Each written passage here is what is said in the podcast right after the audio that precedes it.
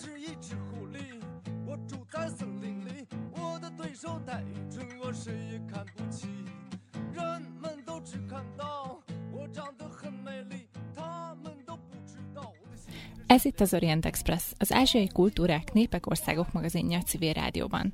Üdvözlöm a hallgatókat, Günzberger Dóra vagyok.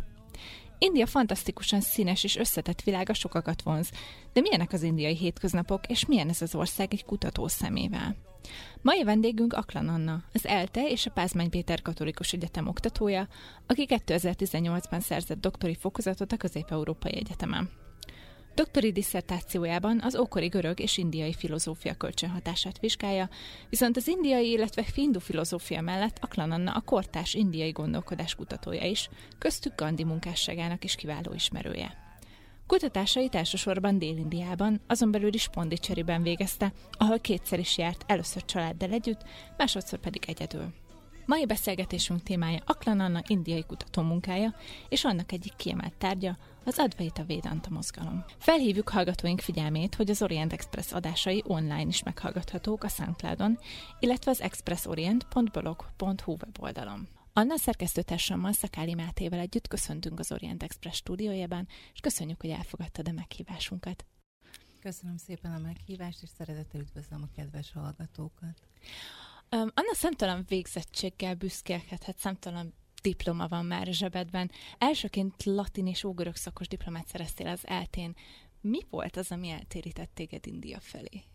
Volt egy meghatározó egyéniség az életemben, sokunk életében, dr. Töttösi Csaba tanár úr, aki már nincs közöttünk, és ő hát hihetetlen formátumú, kaliberű tanár egyéniség volt, nagyon színes és izgalmas órákat tartott, latin leíró nyelvtant, és emellett ő volt az indológia tanszék vezetője is hosszú éveken keresztül, és amikor ugye leíró nyelvtanórát tartott nekünk latinból, akkor folyamatosan hozta a görög és a szanszkrit párhuzamokat, az indoeurópai összehasonlító nyelvtant, mind alaktamban, mind mondattamban, és tanév végére már éreztem, hogy az ember nem lehet teljes anélkül, hogy szanszkritul tudna, tehát a következő évben jelentkeztem az indológia tanszékre, ami abban az időben még bészaknak számított. Úgyhogy az úgy nézett ki akkoriban, hogy egy év volt, amit bárki, aki már az eltére járt, elvégezhetett, és hogyha sikeresen letette az első éves vizsgát, akkor lett szakos. Mi ezt a B-szakot annak idején 40-en kezdtük, és a végén négyen tettünk vizsgát, úgyhogy négyen folytattuk tovább a Mm, az rossz arány. Ez egyébként jellemző volt akkoriban az indológiára, tehát nagyon kicsi szaknak számított. Két évente végzett egy-két ember. Ez most, most is így van? Nem, most már át, átalakult a képzés, tehát ugye a két ciklusú képzés van, BA, és most már annyiban módosult, hogy a hindi is külön választható majornak, tehát főszaknak, a modern India is, és van, a, van külön a szanszkrit, mint, mint főszak. Tehát ketté vált a képzés. Van egy alapképzés, ami közös, és utána lehet specializálódni. Te hindi szakon voltál, az, vagy szanszkrit szakon? Nálunk még ez osztatlan volt, tehát Értem. hogy nekünk kellett hindit is, meg szanszkritot is, ez szinte egyforma óra számban tanulni. Értem. Mikor jártál először Indiában kutatóúton? Én vagyok az az indológus, aki szerintem legidősebb korában jutott el Indiába, a családi okok miatt elsősorban, úgyhogy én először 2017-ben voltam csak Indiában, és már családdal, tehát hogy, hogy mondhatnám szinte, hogy a gyerekeim hamarabb jutottak el Indiába, mint én. Úgyhogy tavaly augusztusban értünk partot először Indiában. Um, ez már Pondicherryben volt, igaz? Ez van, igen. Megkérdeztetem, hogy miért pont Pondicherry volt az úti cél? A Pondicherryben van egy kutatóközpont, egy francia kutatóközpont. Ez eleve érdekesen egybecseng magának a városnak is a történelmével, amelyik nagyon hosszú időn keresztül Indiában a francia hatalomnak a középpontja volt, a központja volt. Amúgy pedig ettől eltekintve van egy központ, École Française d'Extrême Orient, hogyha szépen ejtem ki, ilyen franciául sajnos nem tudok, de ez ugye az ázsiai francia kutatóközpontot jelenti, meg Párizsban van a, központja, és több több központot üzemeltet, vagy tartanak fent Ázsia különböző részein, tehát nem csupán Indiában, hanem Kínában, Vietnámban, Japánban, stb. stb. És ezzel a Pondicsári központtal a magyar indológusoknak több, tehát évtizedre visszamenő nagyon jó kapcsolatuk van. Tehát, hogy ez különösen azoknak az indológusoknak, elsősorban Dezső Csabának, hogyha jól van köszönhető, akik Oxfordban szerezték a PHD-jukat. Tehát kis, kis tanszék ez az indológia, de akik itt végeznek, azok aztán többnyire nagyon szép karriert futnak be. Mennyi időt töltöttél Pondicseriben? Először két hónapot, utána három hónapot. És hogyan fogadtak téged, mint magyar kutatót? Hát ugye, ahogy mondtam, van ez a, az élő kapcsolat, hiszen mm. több magyar indulóbus jár oda rendszeresen, és nem csak ott találkoznak, hanem egyéb kiemelkedő központokban, Oxfordban, Hamburgban, most a World Sanskrit Conference az, ha jól emlékszem, Kanadában volt, Ottavában, de nem, Torontóban elnézést, tehát ők, tehát hogy ez egy olyan világ, ahol ahol vannak ilyen fontos személyes kapcsolatok is, és én nagyon megtisztelve éreztem magamat, hogy a, hogy a többi magyar indulógus után én is eljutottam ide, és hogy nem, egy, nem a semmiből léptem be, hanem, hanem ismerték a tanszékvezetőt, ismerték a többi magyar indulógus, tehát így föl tudtunk venni egy szálat, bele tudtam kerülni egy olyan uh, millióbe, ami már előtte kialakult és velem személyesen is nagyon kedvesek voltak. Ha ki tudsz választani egyet, melyik a legmeghatározóbb indiai élményed vagy tapasztalatod? Hát, van nehéz egy, kérdés. mondanám, hogy nehéz kérdés, de igazából nem, van egy, ami úgy gondolom, hogy így megtestesíti, azt mondanám, hogy indológus karrierem csúcspontja, ami me- megtestesíti az, az én indológus mi voltam, nem tudom, hogy annak a tükörképe, vagy nem is tudom. Ez az volt, amikor egy tehén uh, púdzsát végeztem el, tehát egy tehén tiszteletadást. Uh, én, nekem ez volt az első ilyen alkalom, amikor egyáltalán ezt láttam, és olyan szinten láttam, hogy én magam uh, részt vettem benne szinte központi figuraként ez szintén a, a, az FEO, Pondicseri FEO központ révén jutottam el ide. Az én egyik kutatási témám, amikor kint voltam, az a, az a hagyományos szanszkrit oktatás volt, tehát az, hogy a mai indiai gyerekek mennyire ismerik a, a, a szanszkrit nyelvet, hogyan tanulják meg, hogyan sajátítják el a védákat, és ezt a több ezer éves hagyományt, a, a szövegeket, amik a mai napig élnek és ennek keretében eljutottam ott Pondicseriben, Pondicseri külvárosában egy iskolába, ahol ilyen brahmin kisfiúk tanulnak. És mondta az az, az az ottani kutató, hogy menjek péntek este, mert mindig péntek este van a tehén púdzsa. És én azt gondoltam, hogy ahogy a templomokban látszik, hogy ott lesznek majd szobrok, lesz egy tehén szobor, és akkor annak mutatunk be áldozatot. Az áldozatbemutatás ugye úgy zajlik, hogy, hogy füstölőkkel, gyertyával, virágokkal, gyümölcsökkel áldozatot mutatnak be, a papok közben recitálják a véda verseket, zene is van esetleg. Tehát én ilyesmire számítottam. Most ehhez képest, mikor odaértem, akkor már folytak az előkészületek, ott állt egy kis borjú kikötve, mellette egy igazi tehén, az édesanyja kikötve, egy kicsivel távolabb egy lovacskát is kikötöttek, és egyre gyülekeztek az emberek, gyűltek, gyűltek, gyerekek is, már ott a kis brahminok föl voltak sorakozva, és érkeztek felnőttek is, tehát úgy tűnt, hogy az egész környék itt összegyűlik péntek esténként, így ez a, ez a középponti öm, esemény péntek este. És ö, mikor kezdődött az egész, akkor a, a, az eseményt levezényelő fiatal pap, vagy talán a többiek, így szóltak nekem, hogy menjek, mossam meg a kezemet, lábamat. Ezen úgy nem is csodálkoztam, mert hogyha az ember bemegy a templomba Indiába, akkor ott vannak kutakott kézmosás, lábmosás az első dolog.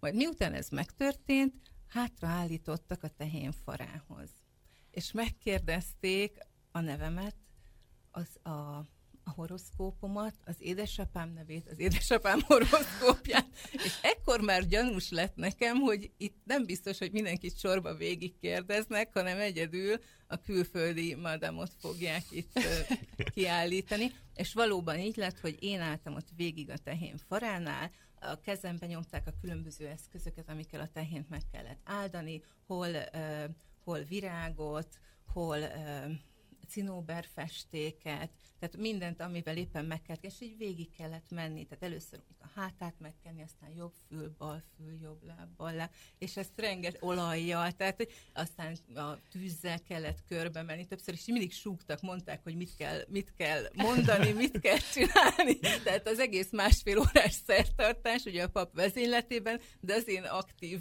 részvételemmel zajlott, és a többiek meg álltak körülöttünk, egy ilyen, nem tudom én, mennyi lehet, 50-100 fős tömeg, és a közepén én végeztem a tehén púdzsát, és annyira meghatódtam, hogy éreztem, hogy ez most itt indulógus karrierem csúcspontja. Majd ezek után a prasszádot is én osztottam ki, ami azt jelenti, hogy áldozat bemutatás után, ez a templomokban is így van, valamilyen főtételt, általában édességet kapnak a hívek. Na most ez úgy nézett ki, hogy én óriási fazekakban, és volt a, a főtt elkészített étel, az édesség, és kis banánlevelekbe kellett kiosztani, vagy csak úgy a tenyerekbe, és engem kértek fel, hogy álljak oda, és a, a bráhminok, a papok segítségével osztam ki, és így hosszú sorban álltak előttem az emberek, gyerekek, fiatalok, és így osztottam így merőkanállal nekik a praszádot, szóval ez nagyon felemelő élmény volt. Ez egyébként mindennapi dolog, hogy egy külföldinek megengedik és bevonják a szertartásokba ilyen szinten, ahogyan téged is? Ö, Tehát ez szokványos? Szerintem ez a, a nem mondanám, hogy én gyakran láttam ilyet. Tehát, hogy szerint, tehát előfordul ezek szerint, de biztos, hogyha csak úgy az utcáról esek be, akkor ez nem, nem fordult volna elő, hanem inkább ahhoz van köze, hogy az a kutató, aki segített nekem ide eljutni, ő az egyik kurátora az iskolának, tehát valószínűleg rávaló tekintettel vettek be engem ilyen nagyon fontos pozícióba. Hát ez tényleg hatalmas élmény lehetett. Oh,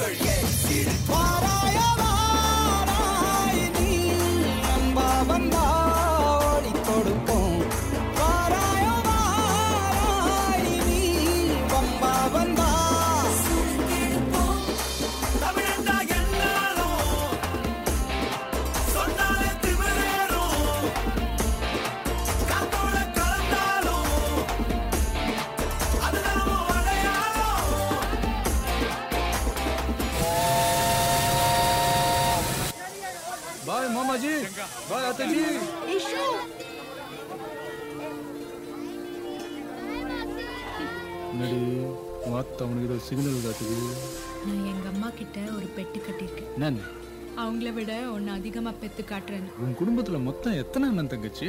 மொத்தம் பத்தொன்பது யாரு கேட்டு இந்த மாதிரி பெட்டெல்லாம் கட்டுறீங்க? வேணானா போ. அப்பெல்லாம் சொல்லக்கூடாது. மத்தாச்சு.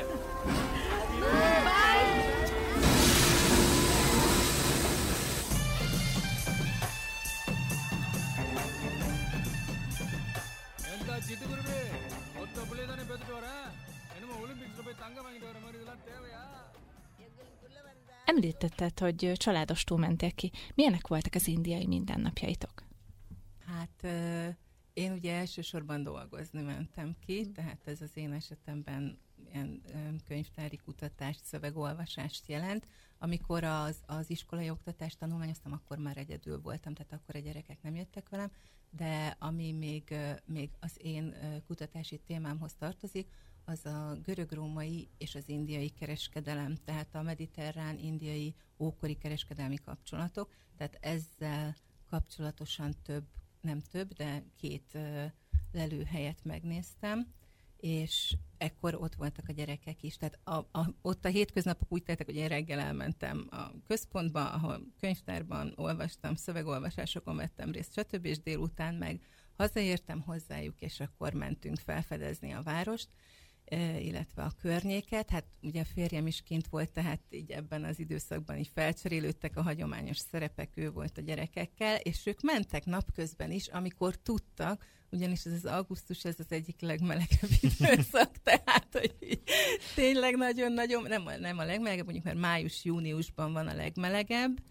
májusban, de, de az augusztus is azért elég, elég meleg még, tehát amikor volt annyi erejük, hogy, hogy, hogy várost nézzenek, akkor ők mentek várost nézni. Motorral közlekedtünk mindenhova, mint egy jó indiai család, ugyanis ugye az a fő közlekedési eszköz, és egy-egy motoron, hát öten, hatan, tehát egy család felfér egy motorra, ez biztos. Úgyhogy volt, hogy mi is úgy mentünk, hogy négyen egy motorral, de azért inkább kettővel. Igen, ez egy klasszikus dél-ázsiai jelenség egyébként Pakisztánban és Indiában is mindenki motorral közlekedik, és a családok egy darab motorra valahogy felszuszakolják magukat. Ö, Nagyon sok európai turista jár Észak-Indiába, de mi a helyzet Pondicserivel? Ott is sokan Ott is vannak? Pondicherry az egyik ilyen központja, turista központ ott Dél-Indiában, és nagyon szeretik, nagyon szeretik a, a turisták is, meg a helyiek is. Tehát ahogy említettem, hosszú ideig ez a francia, India-francia gyarmati központja volt, és ez a belvároson is látszik, tehát van az úgynevezett Fehérváros, a White Town, ami teljesen úgy néz ki, mint egy mediterrán kisváros, tehát ilyen gyönyörű színes európai stílusban épült házak, amiken kis erkélyek vannak, gyönyörű bogenvilák és mindenféle egyéb ö, színpompás virágok díszítik, és egy nagyon, ö, nagyon felkapott hely az indiaiak körében is, tehát ők is szívesen fényképezkednek egy-egy francia stílusú épület mellett, előtt filmeket szoktak ott forgatni, hogyha esetleg valaki látta a Pi élete című filmet, az pont ott kezdődik Pondicherryben. Igen, hát egy nagyon, nagyon kedves, nagyon kedves kisváros. Ami még a hétköznapokhoz tartozik, és nekünk nagyon furcsa volt, az az, hogy, hogy nagyon hamar sötétedik. Tehát 5-6 órakor, 5 órakor szürkül, 6 órakor már sötétedik, és ugye mi nem ehhez vagyunk hozzászok, hogy meleg van, és sötét már ilyen kora este, e, és hogy akkor kezdődik az élet. Mert hogy napközben olyan meleg van, hogy akkor nem lehet kimenni, és, öm, és Hát én sokáig nem nagyon mertem este egyedül közlekedni, meg a családdal is csak félve, és egy idő után így rájöttem, hogy egyszerűen nincs mitől félni. Tehát én hihetetlen biztonságban éreztem magam már a végén, sötétben is. Eljutottál máshova is Indián belül? Hát Dél-Indiában maradtam, tehát én sajnos északra nem jutottam el, de átmentem a másik, tehát a keleti partvidékre, mm, Kerala államba, ott egy nagyon kedves professzornál szálltam meg. Mind a kétszer egyébként, tehát akkor az első alkalommal, amikor családban voltunk, Rajan Gurukkánál voltunk vendégségben, őt itt Magyarországon ismertük meg, és meghívott magukhoz, ugyanis ők nagyon közel laknak egy olyan lelőkhelyhez, ami az elmúlt éveknek az egyik nagy szenzációja volt. Muziris nevű ókori kikötővel azonosították, egy Pattanam nevű kis falucskában, ami Ernekulamhoz van közel, és itt végeztek ásatásokat, és valóban nagyon sok lelet erő, előkerült, ami megerősíti, hogy ebben a kikötővárosban a görög-római, tehát a mediterrán térséggel nagyon aktív kereskedelem folyt az időszámításunk szerinti első-második században. Mondom, ez így a 2000-es évek 10 éven keresztül, ha jól emlékszem, 8-10 éven keresztül tartott az ásatás, tehát több szezonban folytak az ásatások, és a hírverése, tehát a nemzetközi híre alapján én egy óriási lelőhelyre számítottam, hatalmas múzeummal, minden. Most ehhez képest mindenbe van már temetve, egy picit telek az egész, rajta egy picike kis házikó, és a neve is az, hogy Children's Museum, tehát gyermekmúzeum, és ott vannak ezek a nagyon értékes leletek kiállítva, tehát amfora darabok, egy hajónak a töredéke, akkor Rómából származó égkövek, stb. És hogy erre mi- mikor voltam, akkor szintén ezen a vidéken voltam, de kicsit délebbre, és ott Káládi környékén, tehát ez is Ernakulam környékén levő kis falucskák, ott akkor pedig egy nagyon különleges színdarabot mentem megnézni, ez egy szanszkrit nyelvű színdarab, tehát ez egy olyan stílus, ami a templomi előadás művészetnek a mai maradvány, illetve nem maradványa, hanem hogy még a mai napig élő hagyománya, és ezt mentem el megnézni. És nagyon nagy különbséget láttam egyébként Kerala és a Pondicséri Tamil Nadu államban van Tamil Nadu között, mind a, amikor keveset voltam Keralában, de, de gyönyörű állam. Milyen különbségeket láttál a két állam között? Hát Tamil Nadu az egyik legelmaradottabb államok közé tartozik, tehát így ö, ö, ilyen szempontból ilyen kicsit elmaradottabb rész, míg Kerala ezzel ellentétben egy elég gazdag, tehetős állam, és egyrészt ezt, másrészt pedig az időjárás más milyen a két parton, tehát amikor Keralában voltunk augusztusban, ott éppen akkor volt a monszun, míg Tamil Naduban nem volt még akkor monszun, tehát Keralában, amikor voltunk, akkor minden nap esett az eső. És ennek következtében gyönyörű zöld vegetáció volt, tehát egy fantasztikus így látványra, rengeteg kis folyó szabdalt, kis csatornák, és nagyon, nagyon szép, nagyon látványos ö, állam.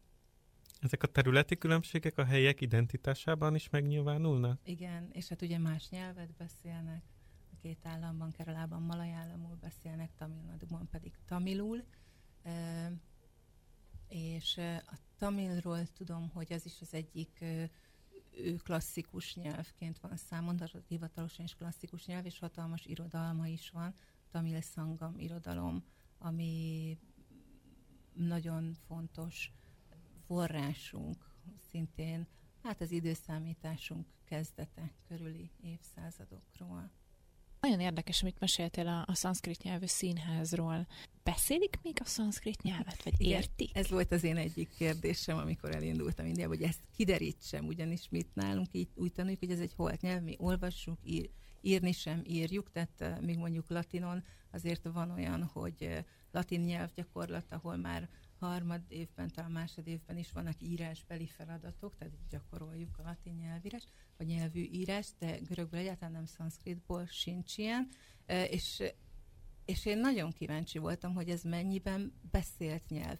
Ugye Töttösi professzor azt tanította nekünk, hogy ez uh, uh, apanyelv, tehát apáról fiúra száll, és ez olyan értelemben igaz is, hogy a családokban a különböző ünnepeknek nagyon nagy szerepe van, a hétköznapi életet behálózzák a különböző szertartások. És ezekhez a szertartásokhoz mindig valamilyen szanszkrit nyelvű ima recitálás tartozik, függetlenül attól, hogy Indiának melyik területén vagyunk. És valóban ezeket a, a verseket, a, ezek a versek apáról fiúra szállnak. Tehát ilyen értelemben ez igaz. Viszont én mikor először voltam kint Indiában, akkor találkoztam olyan panditokkal, az FEU-nak a saját panditja, Anjaneya Sharma, aki egy eh, szintén egy hihetetlenül elbűvölő idősebb uh, Brahmin, aki nagyon nagy tudású, nagyon kedves, nagyon barátságos, és nagyon uh, sok, sok mindenről beszél és tud, és ő például szanszkritul beszél, és beszél az ottani európai kutatókkal is, akik olyan szinten vannak már. Tehát én, én szerintem akkor hallottam először élő szanszkritot, amikor ott kint voltam, és ez is fel ébresztette a kíváncsiságomat, hogy hogyan tanulnak, és így kerültem el az iskolákba, és amit én a legjobban, a legnagyobb élményeim között tartok számon, az a Tirupati Szanszkrit Egyetem, ahol minden oktatás szanszkritul folyik. Tehát a, az adminisztráció nyelve is a szanszkrit, a diákok egymás között szanszkritul kommunikálnak, és az órákat is szanszkritul tartják. Tehát, hogy ez egy élő nyelv tud lenni.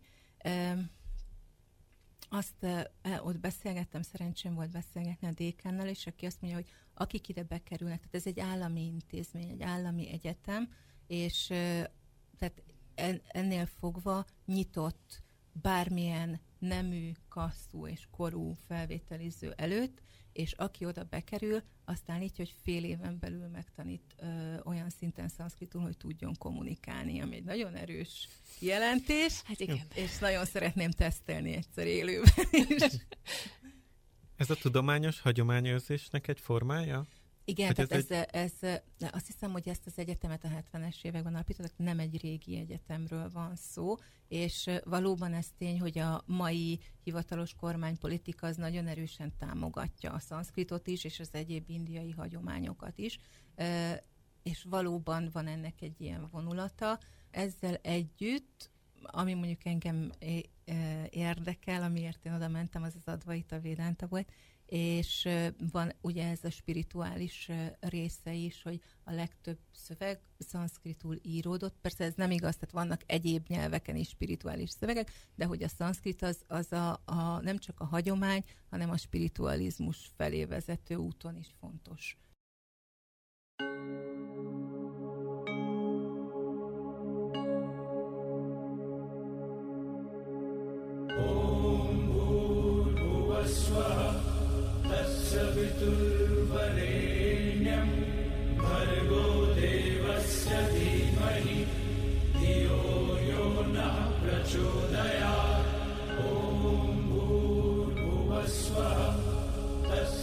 तस्य पितुर्वरेण्यं भर्गो देवस्य धीमहि। धियो यो नः प्रचोदयात्। ॐ भूर्भुवस्वः। तस्य पितुर्वरेण्यं भर्गो देवस्य धीमहि। धियो यो नः प्रचोदयात्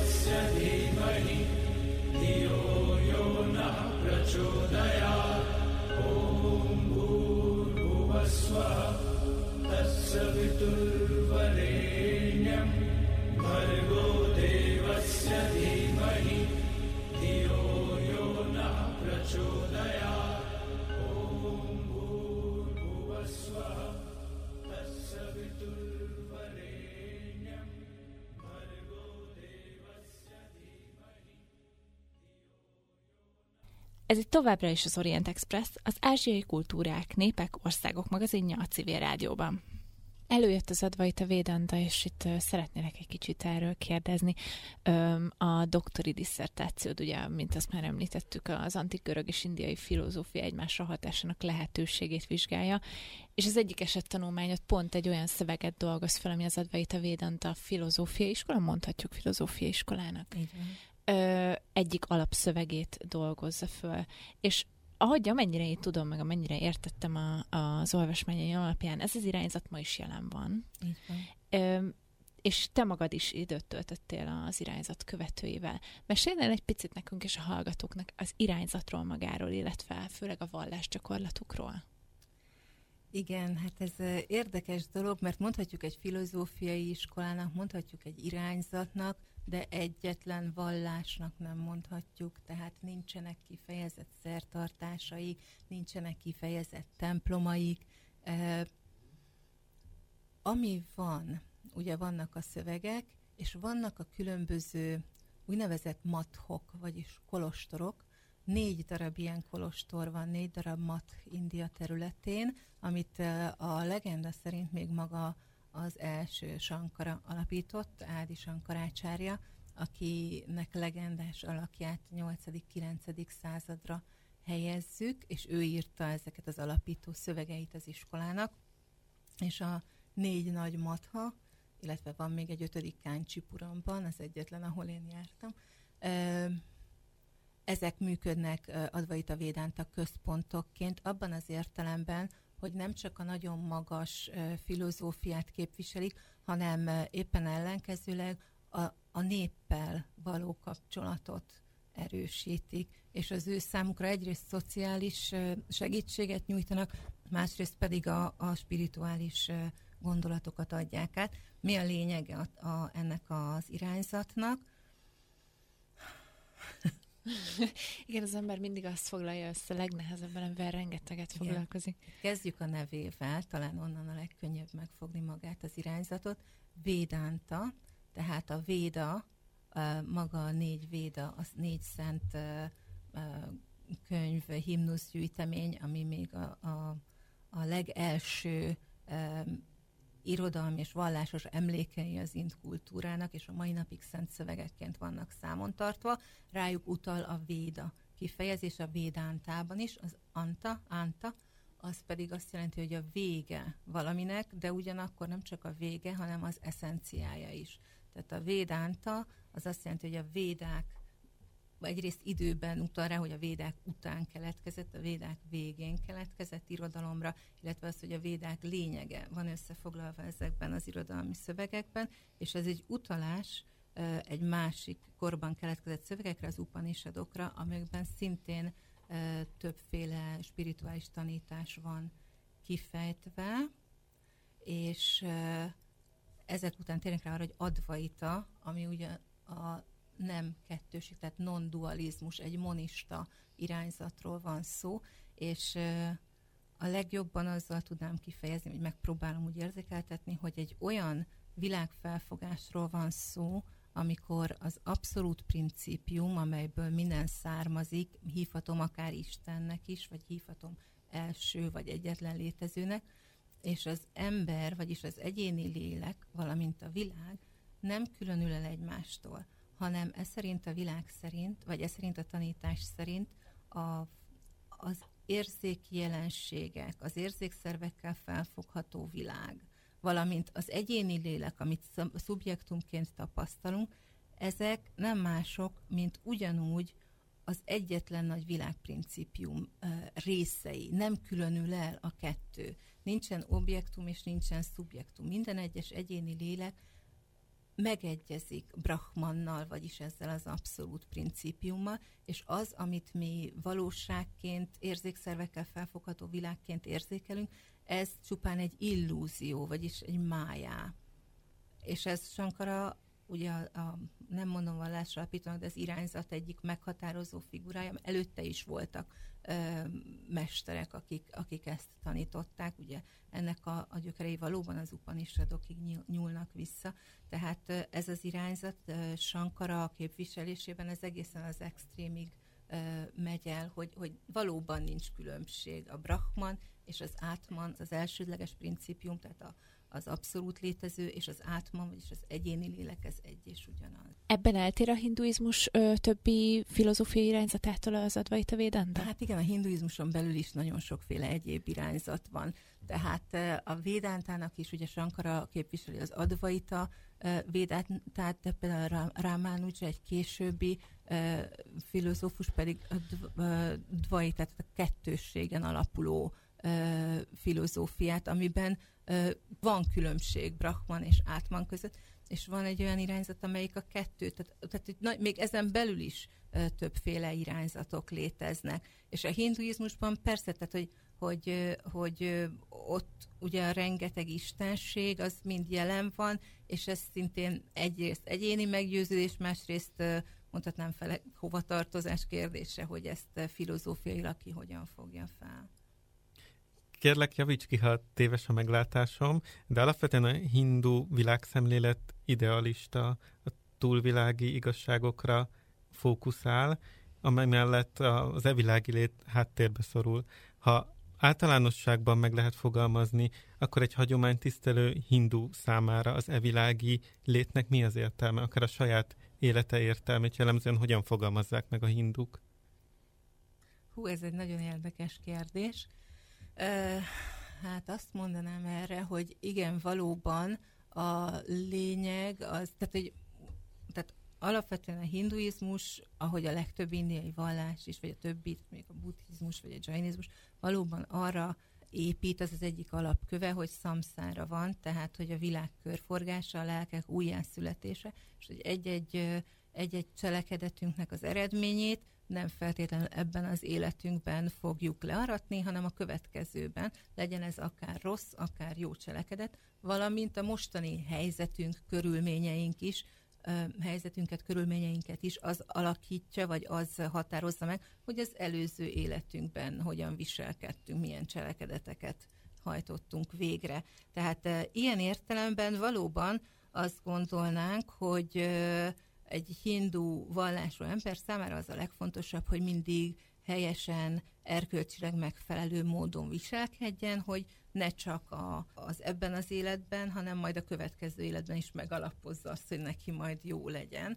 Hogy most ez a hétköznapi élettel mennyire van összhangban, ez egy másik kérdés. Tehát azt hiszem, hogy nem, talán nem rugaszkodom el túl igazságosan, hogy azt mondom, hogy gyakorlatilag bármelyik vallást megnézzük, meg vannak a tanítások, és meg vannak a gyakorlati. Tehát amik már mindenkinek az egyéni preferenciái, meg elképzelései határozzák meg, hogy most akkor ezt mennyire vesszük komolyan, vagy mennyire akarjuk betartani kedves témavezetőm Rúzsa Ferenc tanár úrnak egy példázatával élnék, aki egy buddhista, tehát hogyha nem, nem haragszol, hogy nem hinduizmusból, hanem buddhizmusból hozok példát, de talán egy kicsit közeli, hogy ugye ott a fő cél a nirvána, tehát hogy ez az ellobbanás, hogy ott is valamiféle megváltás, megszabadulás a, a világ körforgásától. Na de most ő beszélgetett egy hívő buddhista, valaki azt mondta, hogy hát igen, igen, szép dolog az a moksa, szép dolog az a megváltás. Talán majd valamikor több századik életem múlva el fogom érni, de addig érezzük itt jól magunkat, ahol vagyunk. Tehát ez valami távoli dolog az ő számunkra is. De ezért valamennyire, főleg ha már a hinduizmusról beszéltünk, vagyis hát onnan kezdődött a beszélgetés, ugye a kasztrendszer is meghatározza, illetve a kasztba, a varnába való tartozás is meghatározza azt, hogy melyik egyénnek milyen életcélja van, mi lehet az ő életének a, az evilági életének a, a, az értelme, illetve a céljai, illetve azok a dolgok, amiket megvalósíthat. Ez így van a, az Advaita Védente irányzatban is? Nagyon érdekes, igen.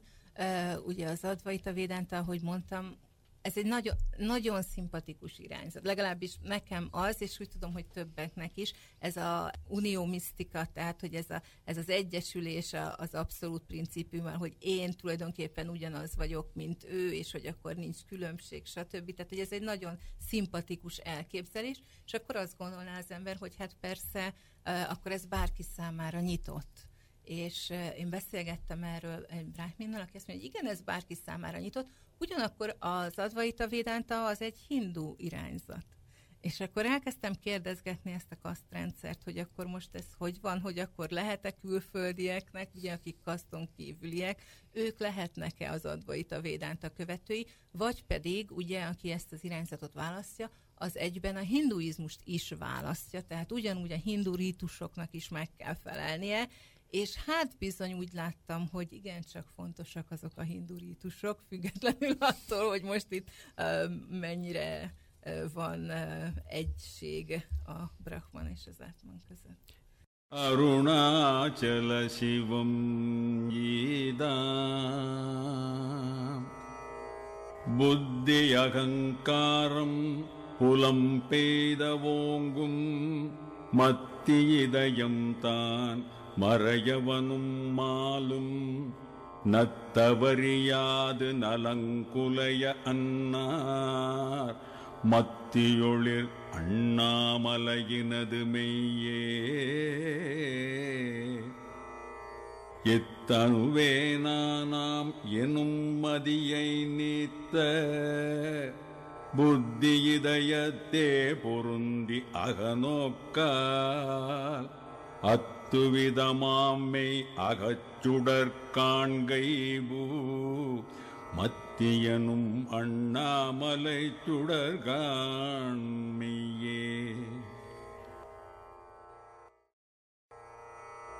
அதுவே தலம் அருணாச்சலம் தலம் யாவிலும் அதிகம்.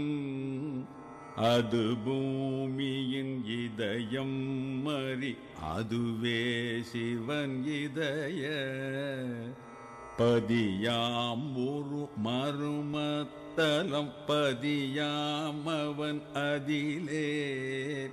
பதிவான் ஒளி மலையானிதம் அருணாச்சலம் எனவே. ஆதி அருணாச்சல பேர் அற்புதலிங்கத்து உருக்கொள் ஆதி நாள் மார்கழியில் ஆதிரை அச்சோதியழும் ஈசனை மான்முங் அமரர் ஏத்தி வழிபட்ட நாள் És mennyire egységes ez az irányzat? Vannak például generációs különbségek a hívők között? Tehát felfogásban, akár vallásgyakorlatban? Én azt mondanám, hogy ez egy egyéni vallás, vagy egy egyéni filozófia. Tehát ezt, eh, ahogy mondtam az előbb, hogy nincsenek központok, nincsenek eh, ezt annyiban módosítják, vannak ezek a mathok, amik inkább szociális eh, értelemben nyújtanak támaszt a híveknek, vagy sok esetben nem különböznek egy másmilyen templomtól. Hogy generációs különbségek, hát azt hiszem, hogy India az egyik leginkább hagyományőrző társadalom, tehát hogy én itt annyira nem, nem éreztem generációs különbséget. A, amúgy meg persze Tamil Nadu is, amerre én jártam, ott szerintem még inkább élnek ezek a hagyományok. Ami ide tartozik, és ami fontos, tehát az Advaita Védántához.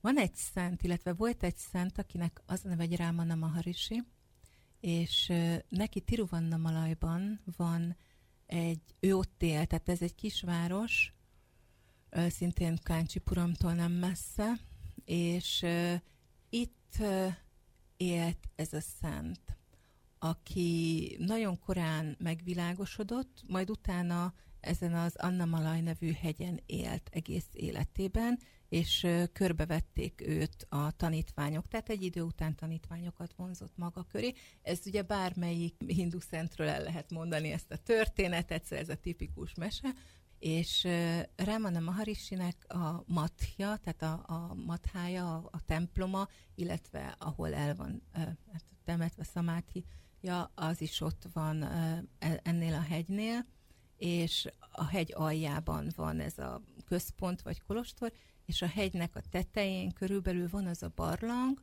ahol ő élt, és van abban a hegyen egy másik barlang, ahol szintén egy másik szent élt még őt megelőzően, és ez a szent, vagy ez a hegy az egyik központja az Advaita Védánta spiritualizmusnak. Tehát azt mondanám, hogy ő az a szent, aki a legközelebbi, nagyon nagy hírű, nagy hatású képviselője, és autentikus képviselője az Advaita Védántának. Az, hogy autentikus képviselő, ezen azt értem, hogy az előbb említettem, hogy négy matha van, négy kolostor, India négy részében alapított, tehát északon egészen a Ganges forrásánál van az egyik, a másik az délen, és, és keleten és nyugaton is van egy-egy matha. És ahogy az előbb mondtam, ugye én a Káncsipuramiban voltam, és ott beszéltem is az ásramnak a vezetőjével, vagy nem ásramnak, a mathának, ők, az, ezek a vezetők, ők mind-mind Sankarácsárjának a leszármazottainak, és mondhatnám helytartóinak tartják magukat, tehát ők a, a, az egyház fejei az adott területen. Ugyanakkor az ő részvételük, vagy az ő képviseletük az inkább funkcionális, administratív, és nem annyira képviseli azt a spiritualitást, amiről az előbb beszéltem ellentétben Ramana Maharishivel, aki, akinek a, a, az, az, az emlékhelye egy, egy zarándokhely, tehát szinte mondhatnám, hogy a világ minden részéről özönlenek oda azok, akik hallottak róla, hallottak a tanításairól, és szeretnék megismerni. Az egész hegy szentként van számon tartva, a barlang is szentként van számon tartva, és tényleg egy olyan központ, ahol azt mondják, hogy még a hegy is gyógyít, hogyha, tehát hogy ellentétben a matokkal, amik szintén ugye gyógyerejűek, ahogy bármelyik templom az lehet, de hogy ez a központ, ez, ez valahogy, valahogy nagyon erőteljes kisugárzással bír, én úgy gondolom, hogyha ennek így volt valami értelme. Említetted, hogy erősen hagyományőrző az indiai társadalom, és hogy a hétköznapok részét képezik a vallásos szertartások. Ezekre milyen hatással van például technológiai fejlődés? Tehát például az új kommunikációs eszközöket bevonják? Hmm. Például térítésre, vagy, vagy oktatásra? Vagy például, ha a hallgatók közül valaki ellátogat Indiába, akkor jellemzően olyan szertartásokat lát, amiket 500 évvel ezelőtt is ugyanígy végeztek? Én azt hiszem, hogy inkább ez az utóbbi. Tehát nekem így ez. Lehet, hogyha éjszakabbra jártam volna, akkor más tapasztaltam volna, de, de délen mindenképpen ez a jellemző. Tehát, hogy mennyire vonják be. Például most azt jutott eszembe, hogy van egy harang, amit nagyon sokszor egy, egy alkalmával meg kell ütögetni, na ez például már elektromos árammal megy, tehát hogy harangot azt így az árammal ütögetik, de, de hát a papok ugyanúgy ott vannak a templomokban, és énekelnek, és ők áldják meg az embereket, tehát hogy a, amikor az iskolákba mentem, akkor ott ugyanúgy könyveket olvasnak a földön ülve törökülésben, és előttük egy ilyen kis háromlábú könyvtartó, amiről olvasni lehet az időszámításunk előtt 400-ban írott Pánini féle, vagy nem is a Pániniben, de hogy valami nagyon régi szövegekben, tehát ez, a, ez a, az arab világban is megvan ez a igen, könyvtartó, igen. ami úgy, tehát hogy, hogy mm, bizonyára lehet olvasni a, a, a szent szövegeket tableten, meg laptopon, de amerre én jártam, még, még a könyvek könyvek vannak át, és mondom, a templomokban meg teljesen, tehát én úgy, én, én, én nagyon sok mindent, amit a szövegekből ismertem, most értettem meg. És hogy mennyire így van ez, hogy ez a, ez a hagyomány és a folytonosság megvan, ezt Hagy meséljem el, hogy találkoztam egy kutatónővel szintén Pondicseriben, aki francia, azt hiszem a Lioni Egyetemen tanít, és ő azért jött Indiába, ő görög szakos, tehát ógörög szakos, ógörögöt tanít, és ő a görög rituálékkal és a görög vallással foglalkozik, és azért jött Indiába, hogy kapjon egy képet arról, hogy milyen lehetett annak idején az ógörög vallásosság. És azt mondja, hogy nagyon sok mindent megértett, Például azt, hogy azt hiszem talán Efesoszban van egy felirat, egy görög felirat, jó persze Efeszosz is már Kis-Ázsia, tehát már ott is valamilyen nem, nem tiszta görögségről beszélünk, de hát ugye hellenizmus korában már ott teljesen keveredtek a dolgok. De a lényeg az az, hogy például ott volt egy felirat, ami azt mondta, hogy tilos virágot behozni, és mondta, hogy nem értette, hogy ez a felirat mit akart jelenteni, és itt Indiában szintén volt egy szent hely, ahol volt hogy tilos virágot behozni. Akkor megértette, hogy ez valószínűleg azért van, mert ott ezen a helyen, ahova ez ki volt írva, rengeteg gyönyörű virág volt, amit ott a helyi közösség, meg a, akik felelősek voltak azért a szent helyért, ők gondoztak és ápoltak. És ezt így a régészeti leletekből nem fogjuk tudni megérteni, ha nincsenek irodalmi szövegeink, nem fogjuk tudni megérteni. De hogyha elmegy egy ilyen helyre, és egy ugyanilyen felirattal találkozik, akkor megérti, hogy ez miért volt. És nagyon sok minden. Tehát, hogy én azt gondolom, hogy vannak szertartások, vagy az egész vallásosság, ami szerintem elemei biztos, hogy nem változtak hosszú-hosszú évszázadok alatt. Visszatérve egy kicsit az advait a Védantára ö, specifikusan, kizárólagos ennek a filozófiai irányzatnak a követése? Én úgy gondolom, hogy ez inkább egy ilyen vallásos, vagy nem is vallásos, vallásos és filozófiai hozzáállás. Ahogy mennyire kizárólagos, mondom, hogy ez, ez ugye hinduizmussal kart karöltve megy. Én úgy gondolom, hogy aki ebben hisz, vagy ezt követi, az talán a szokásosnál is toleránsabb. És hogy vannak olyanok, akik valóban ezt nagyon magukévá tudják tenni. Tehát például, hogyha elmesélhetek egy ilyen példát, amikor az előbb említett Szanszkrit Egyetemre látogattam el, akkor ott szintén teljesen véletlenül legelőször egy informatika tanárnővel volt szerencsém beszélgetni. Tehát ő informatikát tanít, azt hiszem tanszékvezetője az informatika tanszéknek. Na most ezt nem kérdeztem meg, hogy az informatikát is szanszkritul tanítják el, vagy sem, de van egy olyan érzésem, talán azt angolul.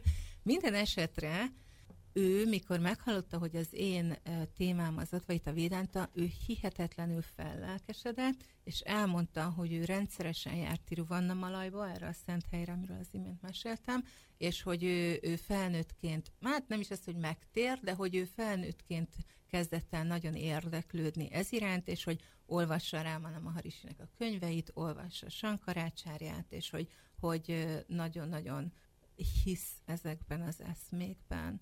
És mikor megkérdeztem, hogy mi fordította el felé, tehát hogy nem valamelyik Vaisnava vagy akármi, akkor azt mondta, hogy, hogy ö, a testvérének a halála. Tehát, hogy igazából van egy-egy életesemény, ami erre kicsit, a Tiruvannamalajban másokkal is találkoztam, akik, akik felnőttként kezdtek el érdeklődni ez iránt, az el- eszmerendszer iránt. Lehet számszerűsíteni azt, hogy nagyjából hányan követik ezt az irányzatot? Én nem tudok erről adatot, úgyhogy inkább nem mondanék sem. És jellemzően Dél-Indiában gondolom. Vagy Észak-Indiában is vannak követői?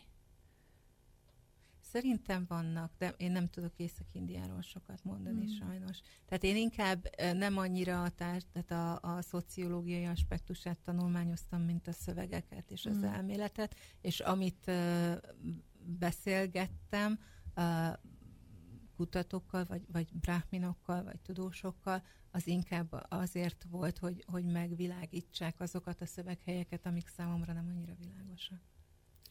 És a megtérni szándékozó hívők számára ezek a szövegek magától értetődőek, tehát könnyen értelmezhetőek? Vagy ez kell vallási képzés, vagy adott iskolába járni, képzéseken részt venni? Hát szerintem attól függ, hogy mely szövegekről van szó.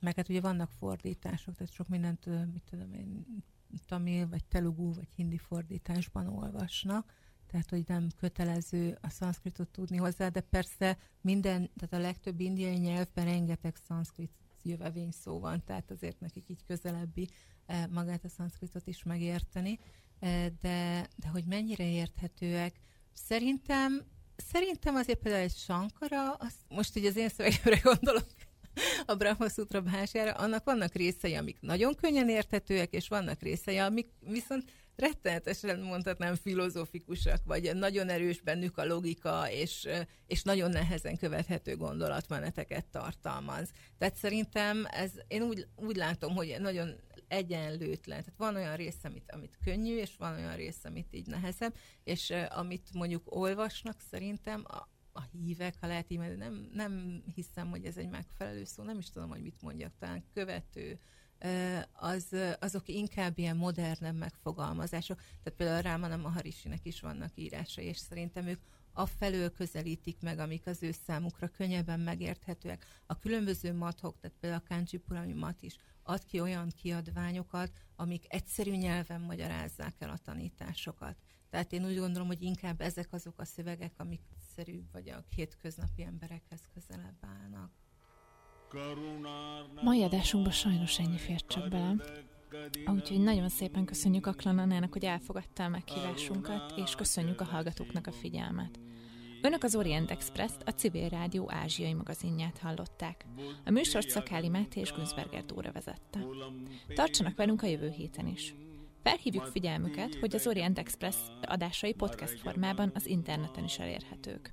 A címünk expressorient.blog.hu, emellett Orient Express néven fent vagyunk a Soundcloudon is, és a Facebookon pedig a Modern Kelet-Ázsia Kutatócsoport oldalán lehet megtalálni az adásokat és készítőiket. A viszonthallásra!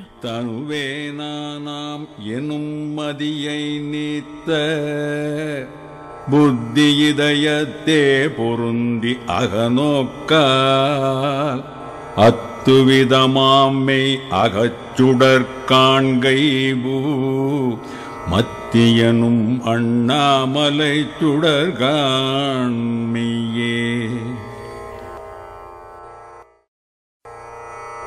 அதுவே தலம் அருணாச்சலம் தலம் யாவிலும் அதிகம். அது பூமியின் இதயம் மறி அதுவே சிவன் இதய. பதியாம் ஒரு மருமத்தலம் பதியாம் அவன் அதிலே. பதிவான் ஒளி மலையானிதம் அருணாச்சலம் எனவே. ஆதி அருணாச்சல பேர் அற்புதலிங்கத்து உருக்கொள். ஆதி நாள் மார்கழியில் ஆதிரை அச்சோதியழும் ஈசனை மான்முன் அமரர் ஏத்தி வழிபட்ட நாள் மாசி சிவராத்திரியாமற்று அங்கி உருவாயும் ஒளிமங்குகிரியாக தங்கள் அருளால் உலகம் தாங்குவதற்கன்றி. இங்கு உறைவன் சித் சித்தன் என என்றும் எனதுள்ளே பொங்கி ஒளிரும் குகை பல்போகமொடு என்றுள்ளே. எல்லா உலகும் தகை அவ்வியலால் பொல்லா வினைகள் ருணமாம் புகலீதில்லாததுவாம். எது கண்ணுரலால் எல்லார் அருணாச்சலமாம் இதுவே. ஒரு தெரியல்லை உற்று கண்ணுற்றால் கருத்தினால் தூர கருதினாலும் மே. வருத்தமுறாது வராத வேதாந்த அறுத்த விஞ்ஞானம் ஆர்க்கும் உண்டாமே. யோஜனை மூன்றாம் இத்தலவாசற்கு ஆசரு தீக்கையாதியின்றியும் என் பாசமில் சாயுச்சியம் பயக்கும் மே ஈசனாம் என்றன் ஆணையினானே. என்றுமே அறவோர் அன்பர்க்கு இருப்பிடம் இத்தலம்தான். பொன்றுவார் பிறர்க்கின்னாவும் புண்மையர் பன்னோய் துண்ணி ஒன்றுராது ஒழியும் தீயோர் உரங்குருகணத்திங்கங்கி குன்றுரு அருணயீசன் கோபவெந்தழல் விழாதே.